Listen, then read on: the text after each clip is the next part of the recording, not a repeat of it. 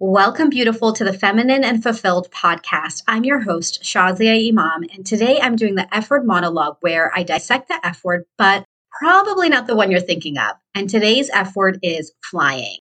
So, can you guess what I'm going to be talking about? Yes, travel. Oh my goodness. I love to travel. I travel about once a month. I go somewhere I actually didn't intend to travel so much, but I would say in the last four years, I have traveled at least once a month or more.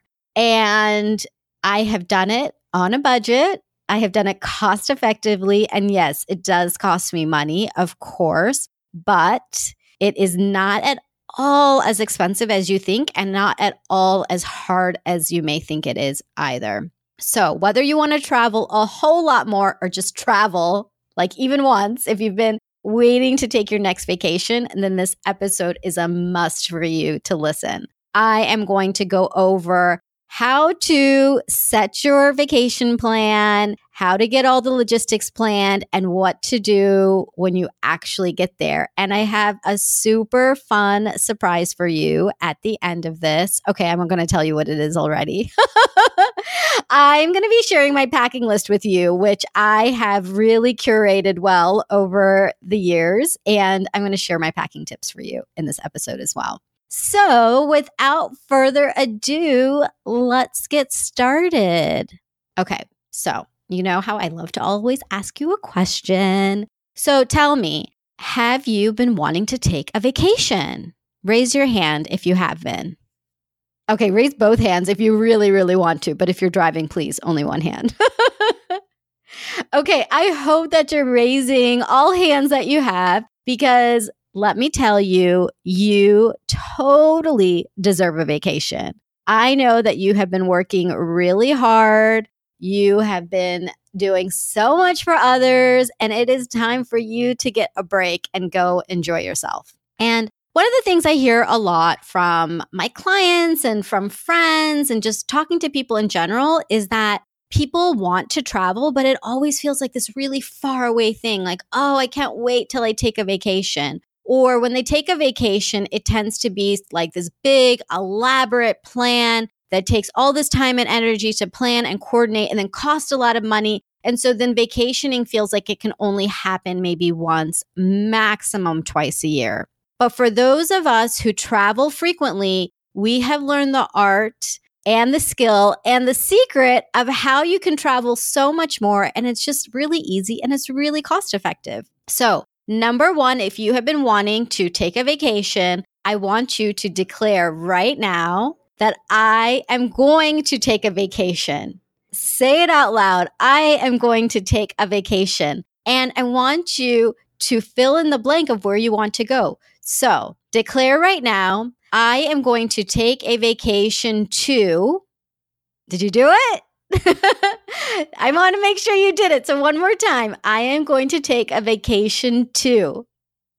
Okay, awesome. I want you to get super duper excited about it because I'm going to share with you how it's going to happen. So, number one, you already took the first step. Make an intention. Everything we're always going to talk about is about starting with an intention because when you make that declaration out to the universe, oh my gosh, the universe is going to conspire to get that right back towards you. This is all about how you can manifest things in your life. And today we're focusing on travel. So, number one, you did it already. You made that declaration.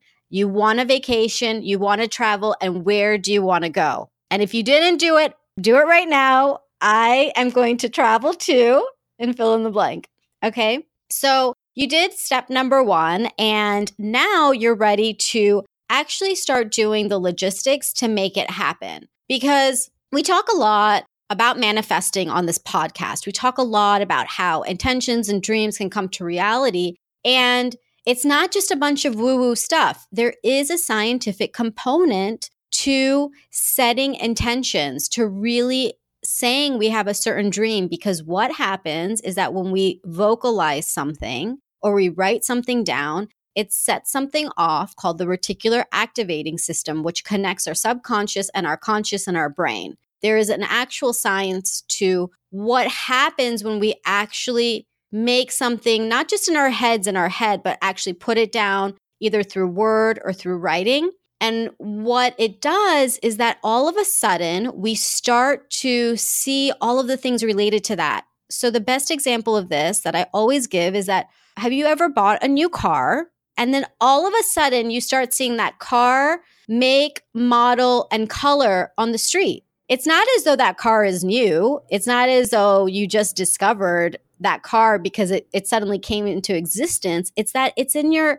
mind's eye. You're suddenly now aware of it. So the same thing happens with your intentions. And that's why I want you to get really clear about where you want to travel to. Because guess what? Now all of a sudden, you might see a deal online and not just because there's you know weird facebook that is totally recording all of our conversations and then sending us targeted ads. It's also because you're just going to be thinking about this vacation. You're going to start doing things and seeing opportunities that come your way and doing things to plan. So part of this is the universe conspiring and sending things back to you but part of it is just a biological realistic component of now it's in your mind and so you're just going to be more aware of it so, that being said, the first thing, like I said, I know I, am talking about this a lot, but I really want to make it so abundantly clear that when you make an intention, it is going to happen. So, the next thing is how are you going to get there? And today's episode is called Flying. So, I'm going to actually talk about buying the plane ticket. Here are my tips for buying your plane ticket.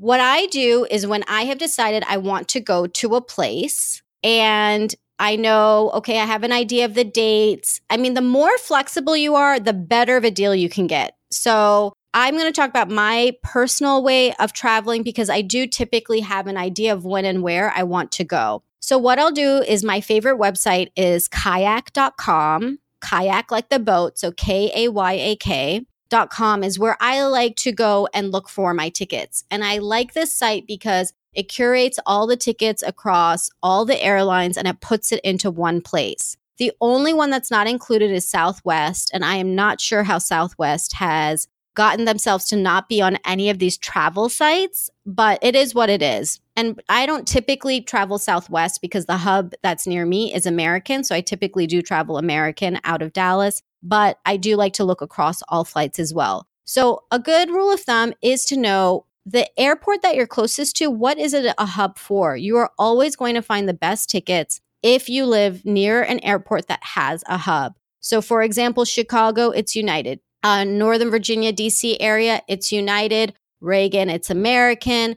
Baltimore, it's, I believe, actually, I don't know offhand. I don't typically fly out of there. And so on and so forth. You can figure out what it is for your city. But the main point is that if you know what the hub is, then you can really strike up some good deals and you can become part of the mileage program for that particular airline. So I'll come back to the mileage program. But I like to use kayak.com. And this site I like because you can put in different parameters. So, what I like to do is I like to go in and put in the destination and I play around a little bit with it. So, I like to definitely be flexible with my dates. I always look at dates three days before and three days after for my departure and arrival and return dates. The more flexible, the better. And I'm just going to keep saying that. This goes for every single aspect of traveling. The more flexible you are with anything, the better deal you're going to get and a better experience a lot of the times too. So I'll take a look at kayak and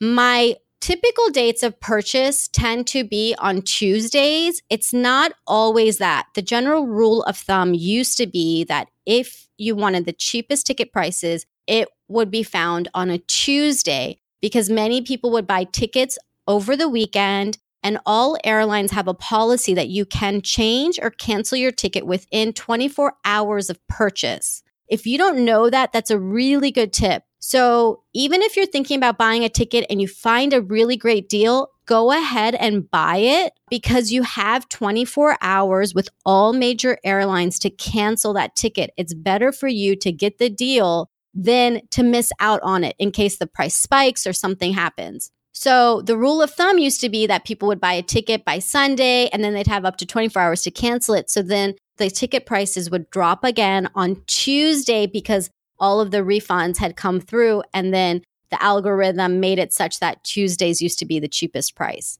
to purchase tickets. It's not really the case anymore. Most, you know, travel bloggers and travel experts will say that's not the case, but I have found that purchasing on a weekday is still always a better option. And in terms of actual dates to fly, actual days of the week to fly, the cheapest days are Tuesdays, Wednesdays, and Saturdays by far.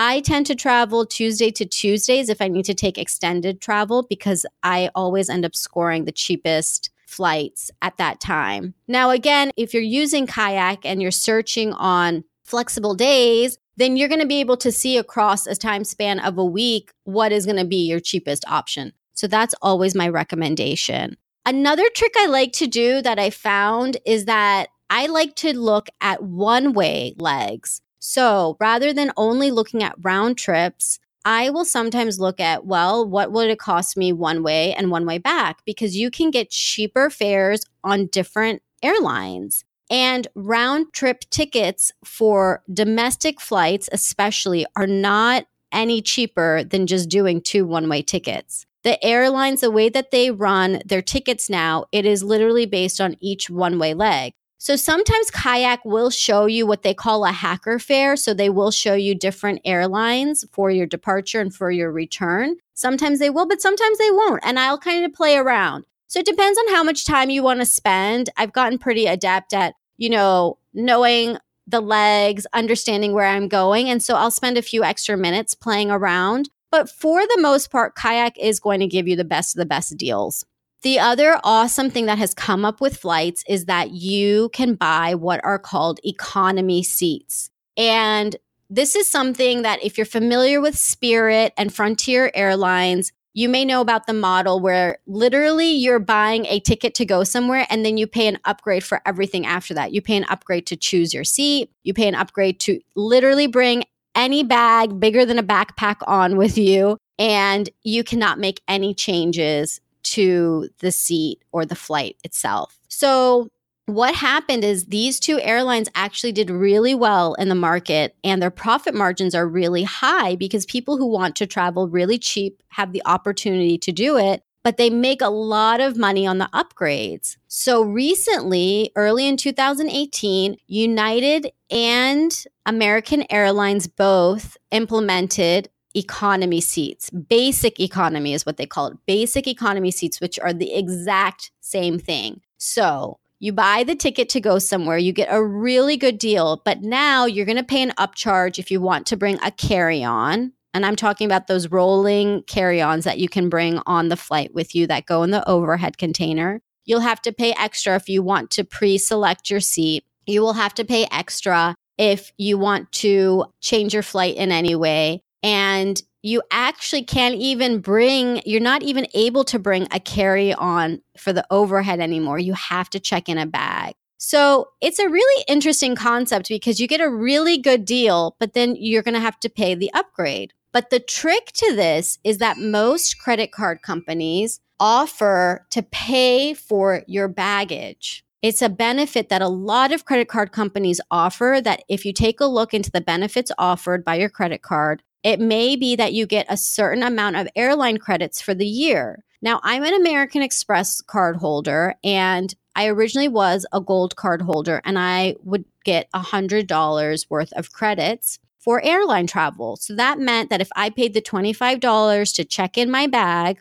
I would get reimbursed that up to $100 throughout the year, which was awesome. I am now a platinum card holder with American Express and I now get up to $200. So that has been a really easy decision for me to go ahead and pay for that basic economy flight because even though I do pay to check in a bag, I get that money reimbursed immediately. So for me, that basic economy flight ends up being substantially cheaper than buying a regular flight. So that's just another tip. And if you happen to also be a credit card holder of the particular airlines, so for example, my husband, he is an American Airlines credit card holder. He gets all checked bags for free. So when I travel with him, oh my gosh, I don't even have to get reimbursed because we get the bags for free right away. I'm not recommending you get an additional credit card. Please don't do that. If you don't already have one, don't do that for this benefit. But if you do have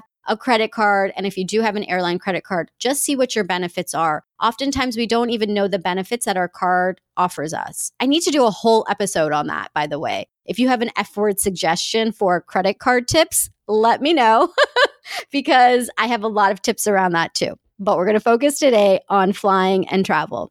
Okay, so the other thing I wanted to tell you in terms of a great app for your phone that you can use is called Hopper. This app, Hopper, basically is awesome because it has tracked data across airline purchases and prices for years now. So they have developed an algorithm to best predict whether it is a good time to buy your ticket or to wait. Kayak also offers this, but I'll be honest, I don't think it's good at all. I think Kayak always says to buy. It's not that accurate and it's not actually that helpful. So, Hopper is a second option I use when I have some travel plans that aren't really set in stone, or I know they're coming up a little bit later in the year and I have flexibility to wait. So, Hopper is only an app on your phone that you can download. It's free. And Hopper only works for specific dates. You can get a monthly view and you can see like when it's cheaper and more expensive, but you have this option to watch a particular leg, but you can only watch that particular leg with specific dates. So I just want to let you know that. But Hopper is just another great app to really track future flights.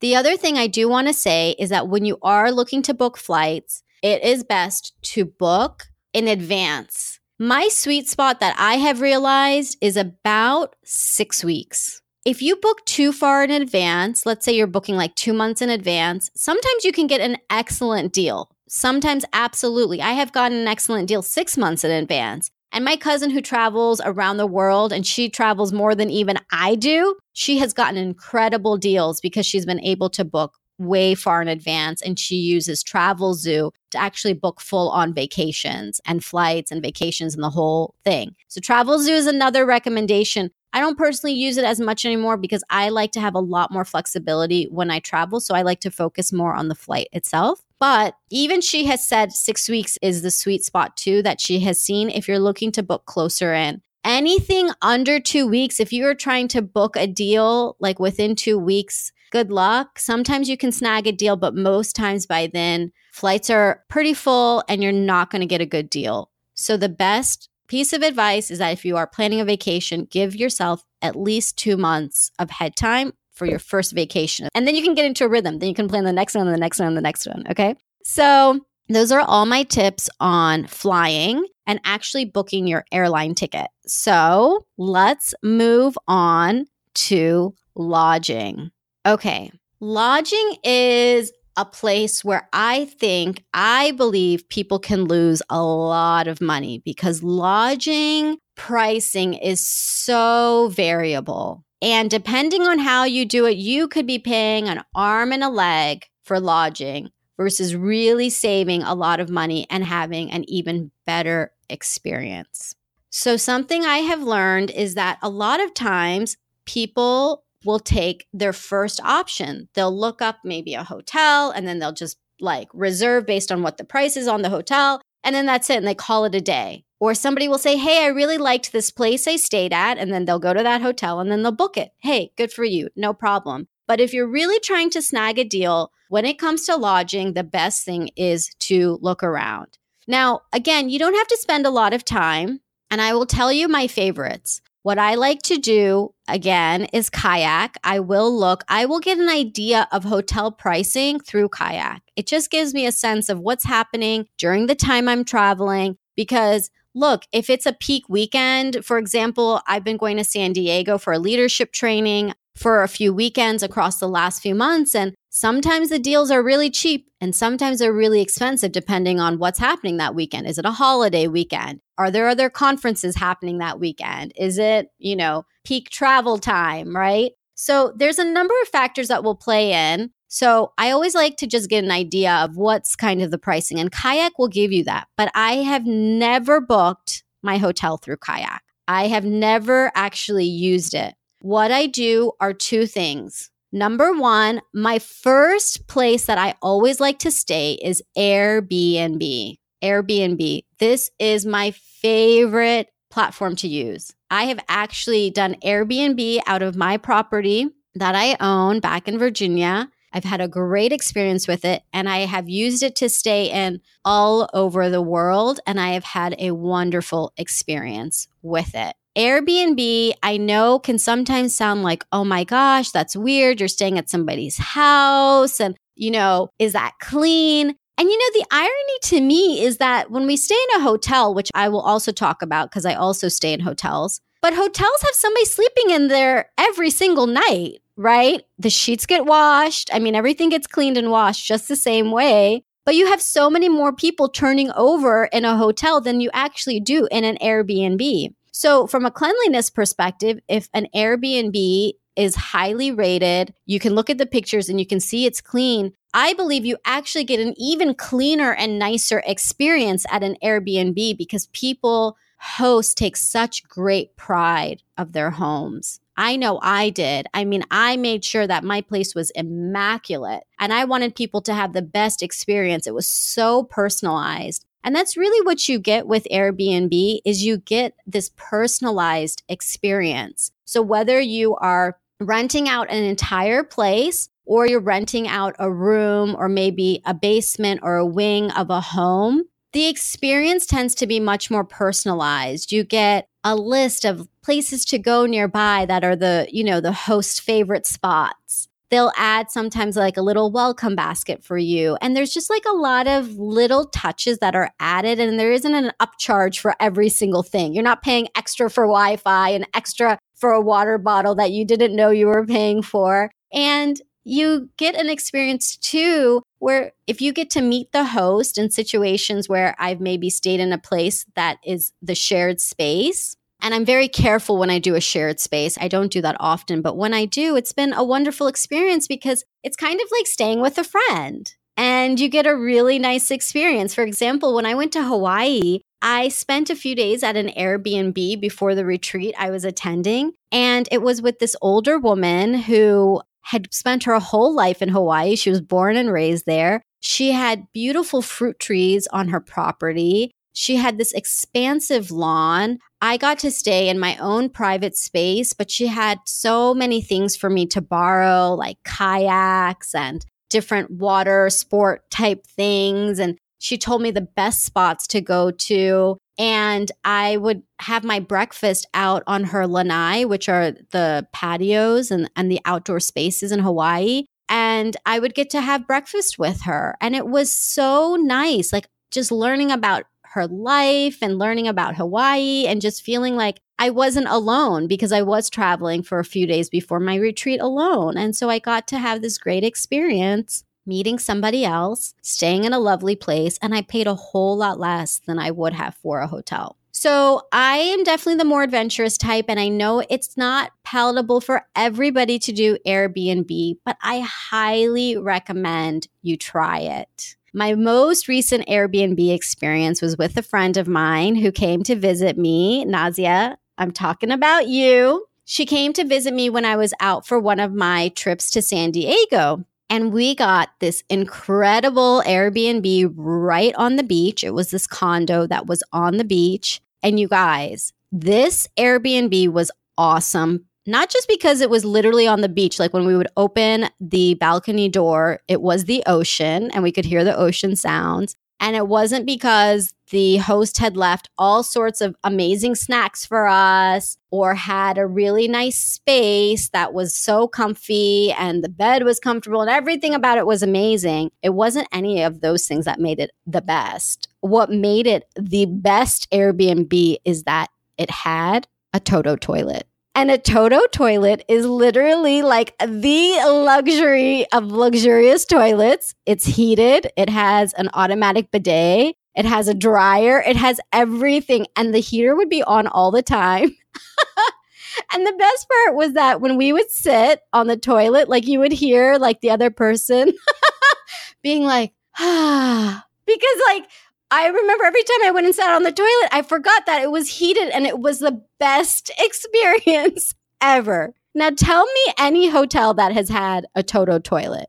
Unless it was like the ritziest, most expensive place. I've never even heard of any hotel having that. So we wrote a really nice review and definitely let other people know about that amazing toilet. and speaking of reviews, that's what makes Airbnb really a good place to stay is that you can vet where you're staying. They have reviews from both sides. The hosts are reviewed and the guests are reviewed as well. So you get to see what did other people say about this Airbnb. There's a five-star rating system. I only stay at places that are rated 5 star. I only stay at places that have a number of reviews and I actually read through them. So I have yet to have not had a good experience at an Airbnb. So I highly recommend it. If you're interested in doing Airbnb, I have a code that will give you money off your next trip. So you can check that out. It'll be on my show notes at the life engineer slash podcast slash flying. So keep an eye out for that if you're interested. Okay, I've talked a lot about Airbnb, but now I want to talk to you about hotels because there are times I still do stay at hotels, and there is a method to my madness for how I actually book hotels as well. So, like I was saying earlier, I've never actually booked a hotel through Kayak. What I do and where I've actually found the best deals are two places. Okay, the first one is an app called Hotels Tonight. This is again only on your phone. They don't have a website, but you can download this free app on your phone. They by far have the best deals I have seen on hotels up until now. So they really find sort of those last minute deals. And that is where you can find a really good deal. Hotels actually tend to be better deals closer to the date, unless it is a peak weekend. So this is a risk. If you know you're going somewhere and it's a peak time, don't wait on booking your lodging. But if you know that nothing else is happening, you will get better rates if you wait closer to the date. So, Hotels Tonight is a great app. The other option that I use is the actual hotel website. Ironically, hotel websites can have the best deals for their rooms. You find this by actually looking at the special promotion deals that they have. So, for example, if you are working for any government agency or consulting for a government agency, which is almost everybody out of the DC area these days, look up government rates. They tend to be very good. AAA rates tend to be very good. And even if you have neither of those, prepaid rates are usually your cheapest option. So if you are willing to say, hey, I'm going, I know I'm going to do it, get the prepaid rate and you'll save a lot. The other thing to think about is getting the rewards program for that particular hotel. You tend to you don't necessarily get a better price. You might get a better price because sometimes they have rates just for their reward holders, but you're going to get other benefits. You will be able to upgrade to better hotel rooms once you get to the hotel, which is great. And sometimes you'll get amenities. So, on a recent trip I took, to San Diego. I, I know I've been traveling to San Diego a lot for this leadership program I'm in. And I decided to stay a few days at the hotel where the actual training was happening because it's quite an intense training and I wanted to just be nearby. And I found out a few things. Again, I called my credit card company. It turns out that they have a partnership program with the hotel. So I was able to not only get a good room because I signed up for the rewards program with the hotel, but I got an even better upgrade because my credit card company had a partnership with that particular hotel. So in this case, it was American Express with SPG, and I was staying at a Sheraton to get very specific. So again, really know what is being offered through your credit card and definitely sign up for rewards programs. That goes for mileage programs as well. I forgot to circle back on that. So make sure that you, whenever you take a flight, get on their mileage program. You don't have to stay getting all their emails. You can unsubscribe from the emails, but just make sure that you know your mileage number. And if there is an airline you're flying with a lot, those mileage points can add up real quick. That trip I told you about, I took to Hawaii, I went completely on miles. I flew to Hawaii for free round trip. So those miles do add up. Don't think that uh, it's not a big deal. I don't travel that often. It is absolutely worth it. Same thing with hotels. Go ahead and sign up for the program because you get those perks. And so this recent trip, I got a super upgraded room with an amazing view. And then every day they sent me small treats, and the service was amazing. Now, I hope the service was amazing regardless, but it's a little bit better when you get some extra money and some extra perks in a really good room too, without having to pay even a dime extra. Finally, you know, there's an option I use a lot, which I don't know that everybody's really comfortable with, but I love to stay with friends when I travel. If I'm going somewhere, staying with a friend is such a nice option. And I only say this because I always thought everybody did that. I mean, I'm Indian and growing up, I don't think my parents ever ever, ever paid for a hotel. We only went places where family or friends lived. so, you know, the Desi Indian way is that you're just going to stay wherever it is that costs no money. So for me, like staying with a friend, even now as an adult, is a no brainer. And I love when people come and stay with me too. Like, I love it. It's so much fun. But I noticed that when I married my husband, he's American. He's, you know, born and raised American. And he thought it was really weird. And he would always, like, whenever we would go somewhere, and I'd be like, oh, I know someone who lives there. He'd be like, oh, no, we'll just get a hotel. And I'm like, but wait, no, we can save money and we can hang out. And he's like, no, that would be imposing. And that's strange. And so I realized that, okay, I guess the way that I think, and maybe so many other Indians think, is not the way others do. So I want to say that too. Don't hesitate to stay with friends. Now, of course, be considerate. You don't want to just say, I'm showing up. You want to ask, you want to see what works for them because everybody is different. But for me, nine times out of 10, my friends are so happy to see me and vice versa.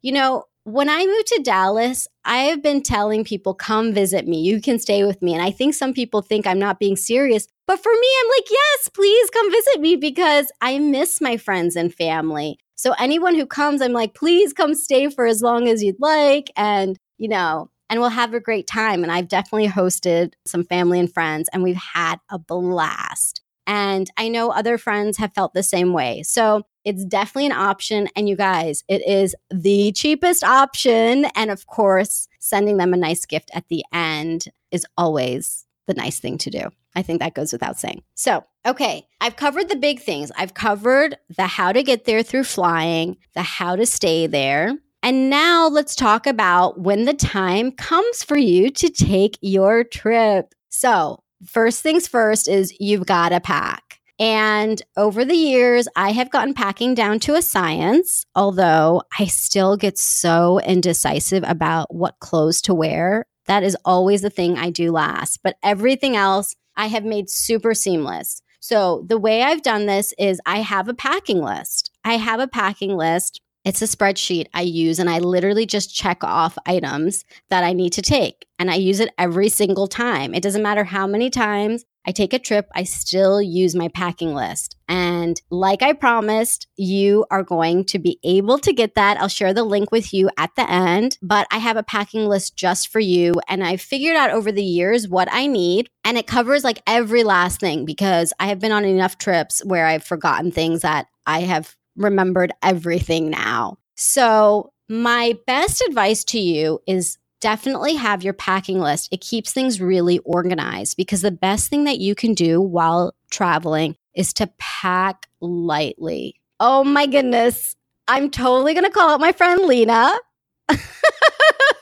I totally call her out on this podcast, and she's always like, Shazia. But Lena is my travel husband. We have traveled to so many places together. Lena and Zora, my other friend, are probably tied for who I have traveled most often with around the world. And Lena always makes me crack up because that girl can pack so much stuff. And we have literally gone on the same trips together. And I will have my one like carry on bag and a backpack, and Lena will literally have twice as many suitcases as me.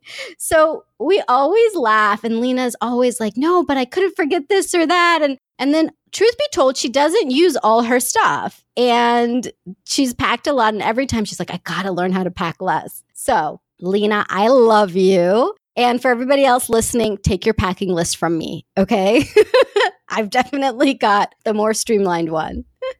I have been able to travel to places like Costa Rica for nine days using one carry on bag, not having to check in anything. So I definitely have some good tips for how to pack light. The first thing I would say that you need to have, like you need, need, need, need, need to have when you travel, is a suitcase with four wheels.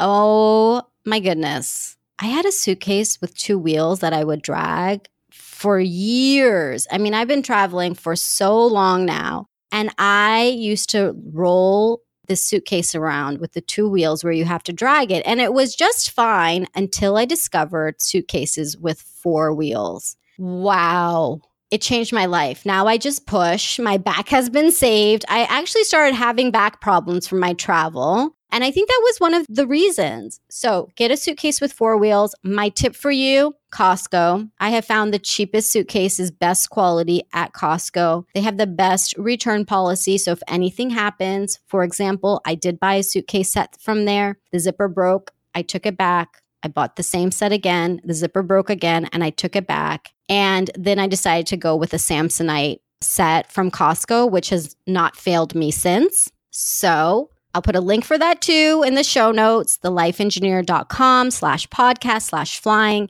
Everything I'm talking about with you guys today, I'm going to put links so that you can grab it super easy. So, suitcase with four wheels. Okay, life changer. And when I say a good deal, you can get a two pack. Like you can get the big bag plus the carry on bag for under $150, which is a steal. Like sometimes just one bag can cost that much. So that's my recommendation. The second thing is have a toiletry bag. This is the best. Have one that you can hang. I use my toiletry bag to have like all my shampoo, soap, razor, sunscreen, all of that stuff, perfume. And it's been the best because I have one with a hanger. And what I do is whenever I travel somewhere, then I just take that toiletry bag right with me to the bathroom and I hang it off the hook that is typically in the bathroom. There's almost always a hook. And if there isn't, then I always give that recommendation to the host. I'm that weird person that's like, it would be great if you had hooks on your door. So that's super convenient.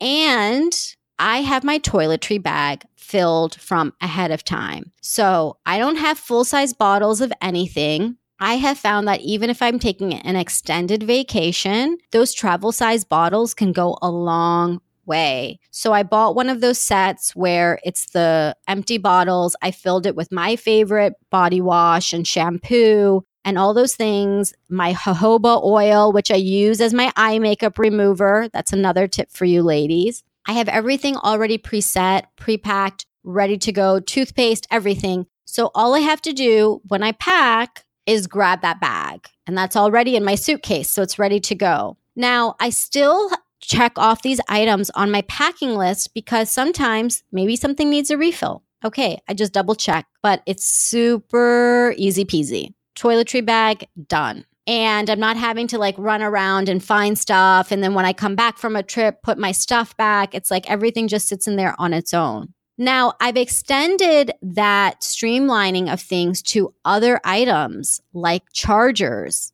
I have splurged and I have bought additional chargers that I use just for travel. One of the best decisions I ever made. If you guys know me, like sometimes I can totally cheap out on weird things. So I'm good on splurging on things, but sometimes I'm really cheap about weirdo things. And one of them was buying extra chargers. So for years, like I would take my one charger, I would unplug it, my phone charger, and I would put it in my bag. And then when I would come, I would have to remember to take it out of my bag and put it back where it was when I would return home. You guys, I literally, I think I spent like $12 on Amazon and I bought like two or three more chargers, changed my life. So simple things, spend the extra money and just get doubles of things so that your travel bag is ready to go. This is so helpful so that you're, again, you're not having to find something and you're not losing it when you come back home and you're like, oh, if you don't feel like unpacking, it's okay because you come back to your house that already has everything. So, those are my tips for having things ready. Now, when you're actually packing, there are two tips I have for you that will make your space double in your suitcase. The first thing is to roll your clothes. So, do you typically fold your clothes or roll your clothes when you pack? I don't know if everybody knows about this tip because I find that when people see my suitcase, they're like, oh, I never knew that. And I'm like, oh my gosh, I didn't before either, but it has changed the way I pack and it can fit so much more stuff. So when you actually roll your clothes, for whatever reason, I don't understand scientifically how this happens, but it just allows you to stuff in a whole lot more clothing. And for me, wearing hijab, I need space for all my scarves. I need space for all the layers of clothes I have. And so rolling allows me to put in a lot more outfits into my carry on, which is really great because then I get to travel much more efficiently. So roll your clothes, and it's amazing how much more space you'll have. The other tip is your shoes. So sometimes people pack their shoes in shoe boxes. Now, that's a good option if it's a very fancy shoe and you want to protect it. But for the most part, we're probably taking walking shoes and maybe some different options. Oh my gosh, you guys, the best tip is to use shower caps, shower caps to cover your shoes. So instead of using even plastic bags, you save so much space when you use shower caps. Google a picture of this if it doesn't make sense to you. But basically, you put your two shoes in and the shower cap wraps around it so it keeps your other clothes from being dirty. It is so awesome. So, those are my recommendations for saving space. And if you really want to go hardcore, here are some other tips. Put your socks and your undies, your panties in your shoes. Now, that might seem gross to you. I know. You can decide if you want to do this, but this is a great option, especially if you're taking heels and you want to protect them. It keeps the shape of your shoes and it saves space in your packing. So that's another thing. And the final tip that I will give you is to take a plastic bag with you. Sometimes I forget to do this, to just take an extra plastic bag. I take it because it holds my dirty laundry. And I totally need that because let's be honest, like if I go somewhere, it's not, there's typically not a hamper wherever I go. So that's a really, really good tip too. All the other packing tips are going to be in the packing list that I share with you at the end of this episode for you to grab. So those are my tips for packing. Now, when you get to the airport, and you guys, I know that this is going to be a really long episode, but I feel like I want to tell you everything. I want to share everything because I want you to take this trip that you declared at the beginning of the episode. So I'm so excited for you. So now we're going to talk about going to the airport getting on your flight. So, the things I like to make sure I have is a travel pillow. Okay, you guys, I love to tell you guys everything. I am so not into those neck pillows, like the traditional ones, because they're always taking up too much space. I feel like I can like never figure out like how to carry those efficiently. I feel like they're always flopping around on my handbag or on my suitcase. I never actually end up using it because it's too big. Like I feel like I don't know, I'm more petite and I feel like those neck pillows are massive. Like I just feel like they're so uncomfortable. So I discovered something called the turtle pillow, T U R T L. Again, I'll share the link with you. Oh my goodness. It's like a blanket that wraps around your neck and it, it's some contraption thing. I can't explain it, but it's just small enough that it's not a pain to pack or carry around. And it has just the perfect contraption that it allows my head to rest without completely flopping over or me feeling like I'm in a neck brace. It's so cool. I got one this year and I love it. I couldn't recommend it more. So grab that as your travel pillow because it doesn't take up space. It's much easier and it's actually really, really comfortable. It's the first travel pillow I've actually been able to sleep with. The other thing I like is I always have a handbag or a backpack, depending on where I'm traveling. So I prefer to take a backpack because my backpack is one of those with a bunch of different compartments. I get to put in my laptops, I get to organize, like, you know, my Kindle, my charger, just the different little things, my journal that I take, and it's not that heavy.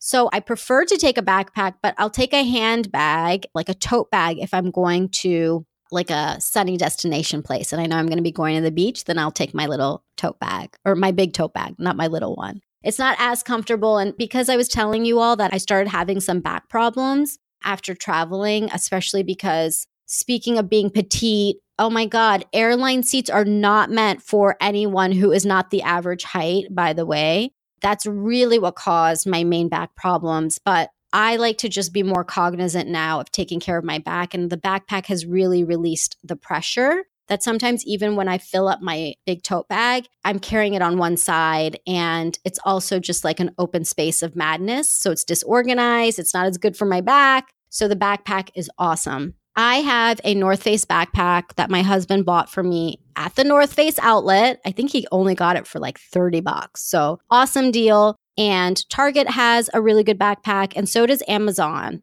I mean, getting a backpack is super simple. So I would highly recommend that. The two tips I will give you is that I always take an empty water bottle because when I forget my water bottle, I end up spending an arm and a leg because inevitably I get thirsty at the airport and I get thirsty on the plane. And that one cup of water I get for the whole flight is not enough. So have an empty water bottle. I would recommend you have one just for traveling. There's also super cool travel water bottles that actually fold up. I have not gotten that yet. I haven't really had that need. I've been fine with just a regular water bottle, but that's something to consider. And I say for it to be empty because you don't want to end up like having to throw it out when you're going through security because you can't carry any liquid basically over three ounces. So make sure it's empty. And then the other thing I like to do is that I have a purse with my wallet, and that's what I typically carry my ID and credit card in. But it's a pain in the butt to like pull, like take my backpack off,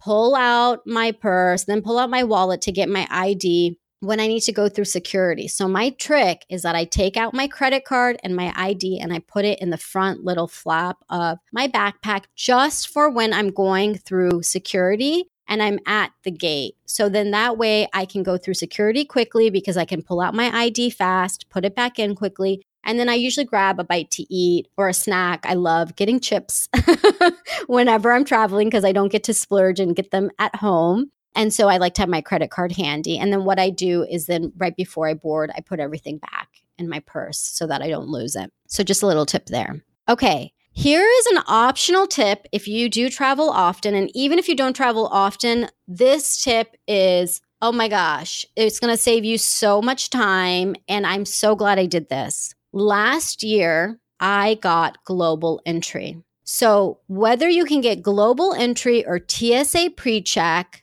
this will change the way you travel because global entry gives you TSA PreCheck automatically. And what TSA PreCheck allows you to do domestically is you don't have to take out your laptop when you're going through security and you don't have to take off your shoes. So you get to go number one in a shorter line because TSA PreCheck is not for everyone. Either you've purchased it or you're elderly or you're a child. They typically get to go through TSA PreCheck. So the line is already shorter, and then you're not stuck behind somebody in line who's taking forever to take out all of their items. Okay. Imagine like this whole line in front of you that has to take off their shoes, and then they have to take out their laptops, and then they have to put them back in and put their shoes back on. Like that line is always longer. Like it just takes longer. Even if the line is shorter for the regular security checkpoint, I will still go to a longer TSA PreCheck line because it moves faster. So I highly recommend it. It is optional because it will cost you money. TSA PreCheck costs you $75. The process is easy though. You do it online. It's worth every penny. Global entry costs you $100. It's more involved and requires an appointment, an interview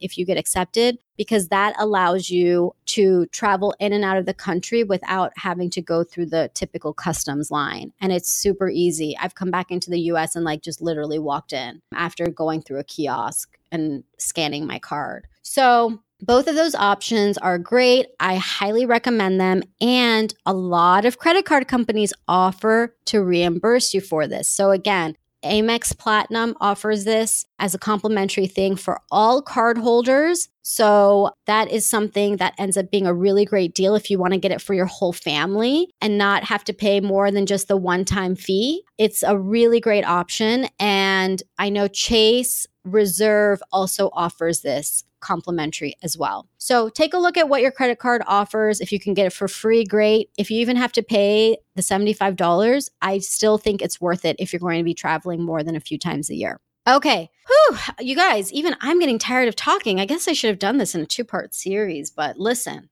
we're in it. I'm here. So we're just going to keep on going because now we actually get to go on the trip.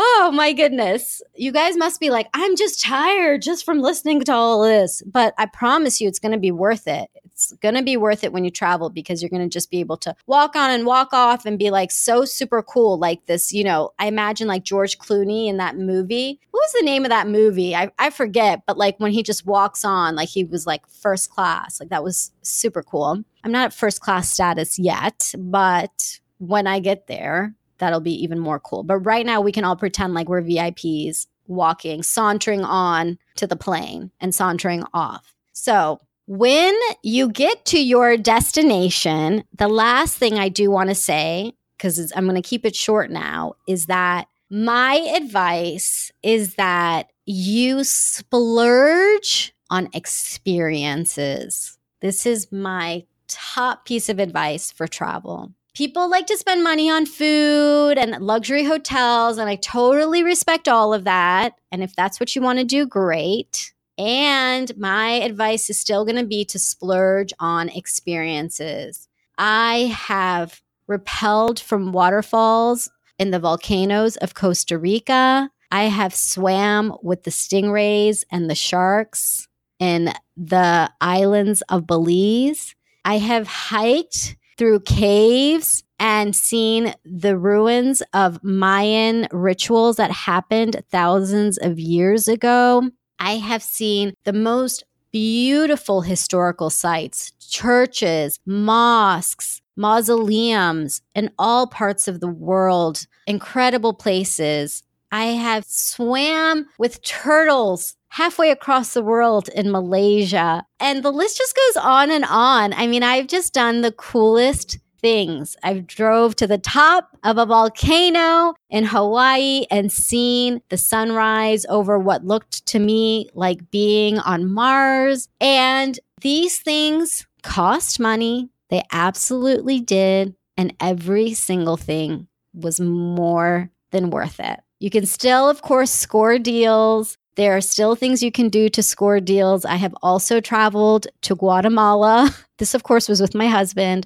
from Belize to Guatemala. And we did like a, we crossed the border and had a driver take us there, a local driver. It could have been risky, but it was perfect. And we got to support the local economy. And mom, if you're listening, I'm still here. We're just fine. And these experiences, splurging on experiences, and speaking to the locals, this will be my second piece of advice. Speaking to the locals and getting immersed in culture has made traveling the richest experience. It has made it an experience that I've learned from, enjoyed, had adventure, built new connections, and made it so much more than being just an American going to another place that feels like America again. If you're going to travel overseas, absolutely connect with the locals. It will make your experience so much better. Of course, be safe. I don't advise being reckless in any way. I do my research. I try to find a connection through somebody I know before I go as well, not just strangers. And when I stay at a local Airbnb or a bed and breakfast that's locally owned,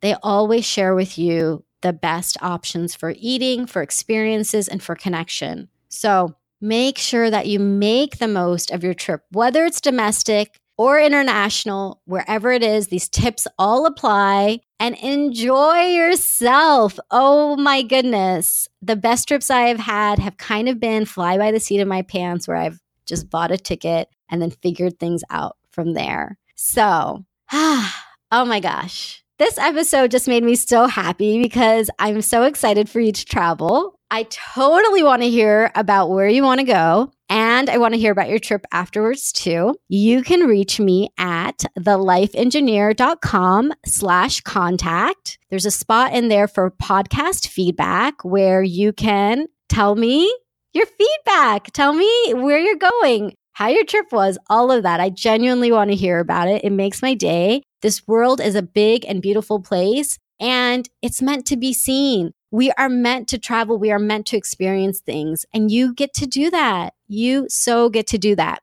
And you get to do that cheaply, easily, and fun funnily. Funnily, can that be a word? I'm making it up right now and let's go with it. And to do that, you can grab my packing list. And I'm, you know what? I'm going to go ahead and put all my packing tips on there too, because I just can't help myself. But the main thing will be the packing list so that you have an easy way to organize everything when you take your next trip. And you can get that at thelifeengineer.com slash podcast slash flying. You're going to get the links to all the products I've mentioned today, all the places I go. Everything's going to be there for you in one easy peasy place. And then that packing list is there for you to download and to have as easy reference. And here is to you and traveling and enjoying to your heart's content. Until next time, beautiful Lilas, love you like a sister.